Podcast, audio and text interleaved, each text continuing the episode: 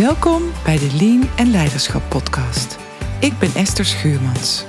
In deze podcast deel ik waardevolle inzichten en interview ik inspirerende leiders over hun ervaringen met het creëren van een continue verbetercultuur. Ik wens je veel luisterplezier.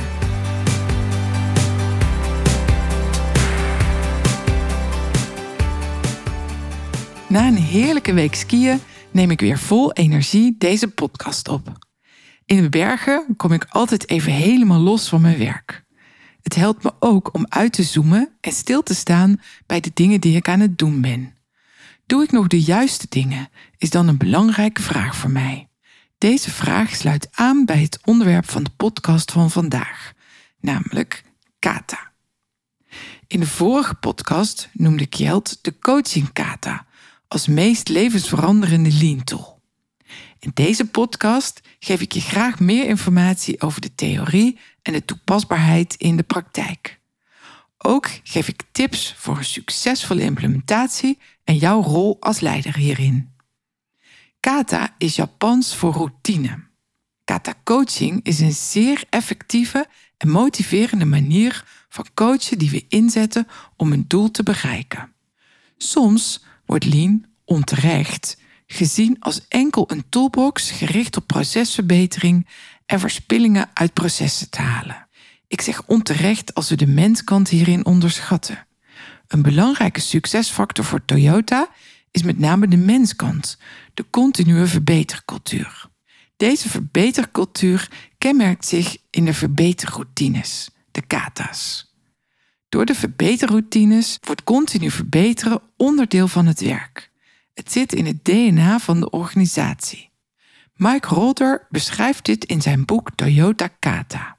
Hij legt de verbinding met wat we uit de sport en de muziek al weten, namelijk dat we nieuwe vaardigheden en gewoontes verwerven door de hersenen nieuwe verbindingen te laten leggen. Hiervoor is nodig 1. Een gestructureerd patroon waarmee een beginner kan oefenen. 2. Herhaling. 3 begeleiding van een coach die de aandacht richt. En vier, het plezier van obstakels overwinnen en iets werkelijk meester worden. De kata's zijn een iteratief proces met precies deze onderdelen. Roter beschrijft twee soorten kata's: de verbeterkata en de coachingkata. De verbeterkata bestaat uit vier stappen. 1. Begrijp de richting. Hier gaat het om de stip op de horizon, de true north. Ten tweede, begrijp de huidige toestand. Waar sta je nu? Onderzocht met zoveel mogelijk feiten op basis van data. 3. Bepaal de volgende doeltoestand. Dit is een gewenste toestand. Het gaat over wat je wilt bereiken, nog niet over hoe je dit wilt bereiken. Een goed werkende termijn voor het formuleren van de volgende gewenste doeltoestand is tussen de 1 tot 3 maanden. En ten vierde, verbeter richting de doeltoestand. Dit doen we door te experimenteren. We maken hierbij gebruik van de PDCA-cyclus. Dit staat voor plan, do, check en act. In de planfase bepaal je wat je gaat doen en wat je verwacht dat er gebeurt. Do gaat over het uitproberen, het testen. In de checkfase vergelijk je de werkelijke resultaten met de verwachte resultaten. En de ACT staat voor standaardiseren wat werkt en bijsturen door een nieuwe PDCA-cyclus te starten. De verbeterkata is een systematische routine om verbeteren te verankeren in de cultuur. De coachingkata. De coachingkata is een routine voor het dagelijks management. Om van verbetering een gewoonte te maken, moeten managers iedere dag de verbeterkata coachen. De coachingkata laat zien hoe je dat doet.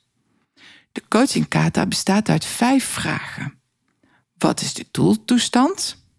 2. Wat is de actuele toestand? Bij deze vraag reflecteer je op de laatst genomen stap.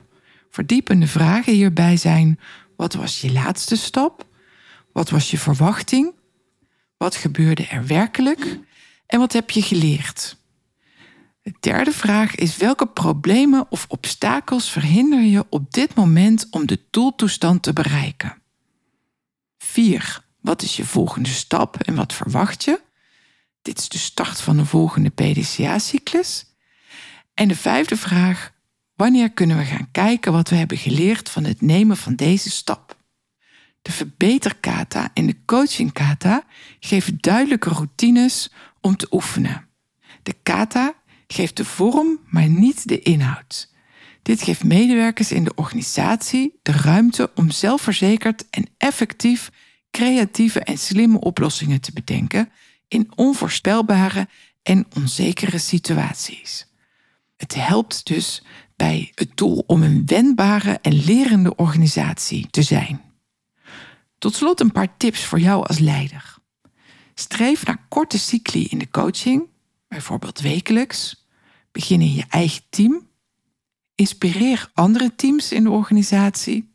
Leid medewerkers op als kata-coach, zodat ze elkaar kunnen coachen. En vier successen. Ik wens je veel plezier met het implementeren van de verbeterroutines. Luisterde naar een aflevering van de Lean en Leiderschap podcast. Ik ben heel benieuwd wat je ervan vond. Ben je enthousiast? Abonneer je dan op deze podcast. Ken je iemand voor wie deze podcast ook interessant is?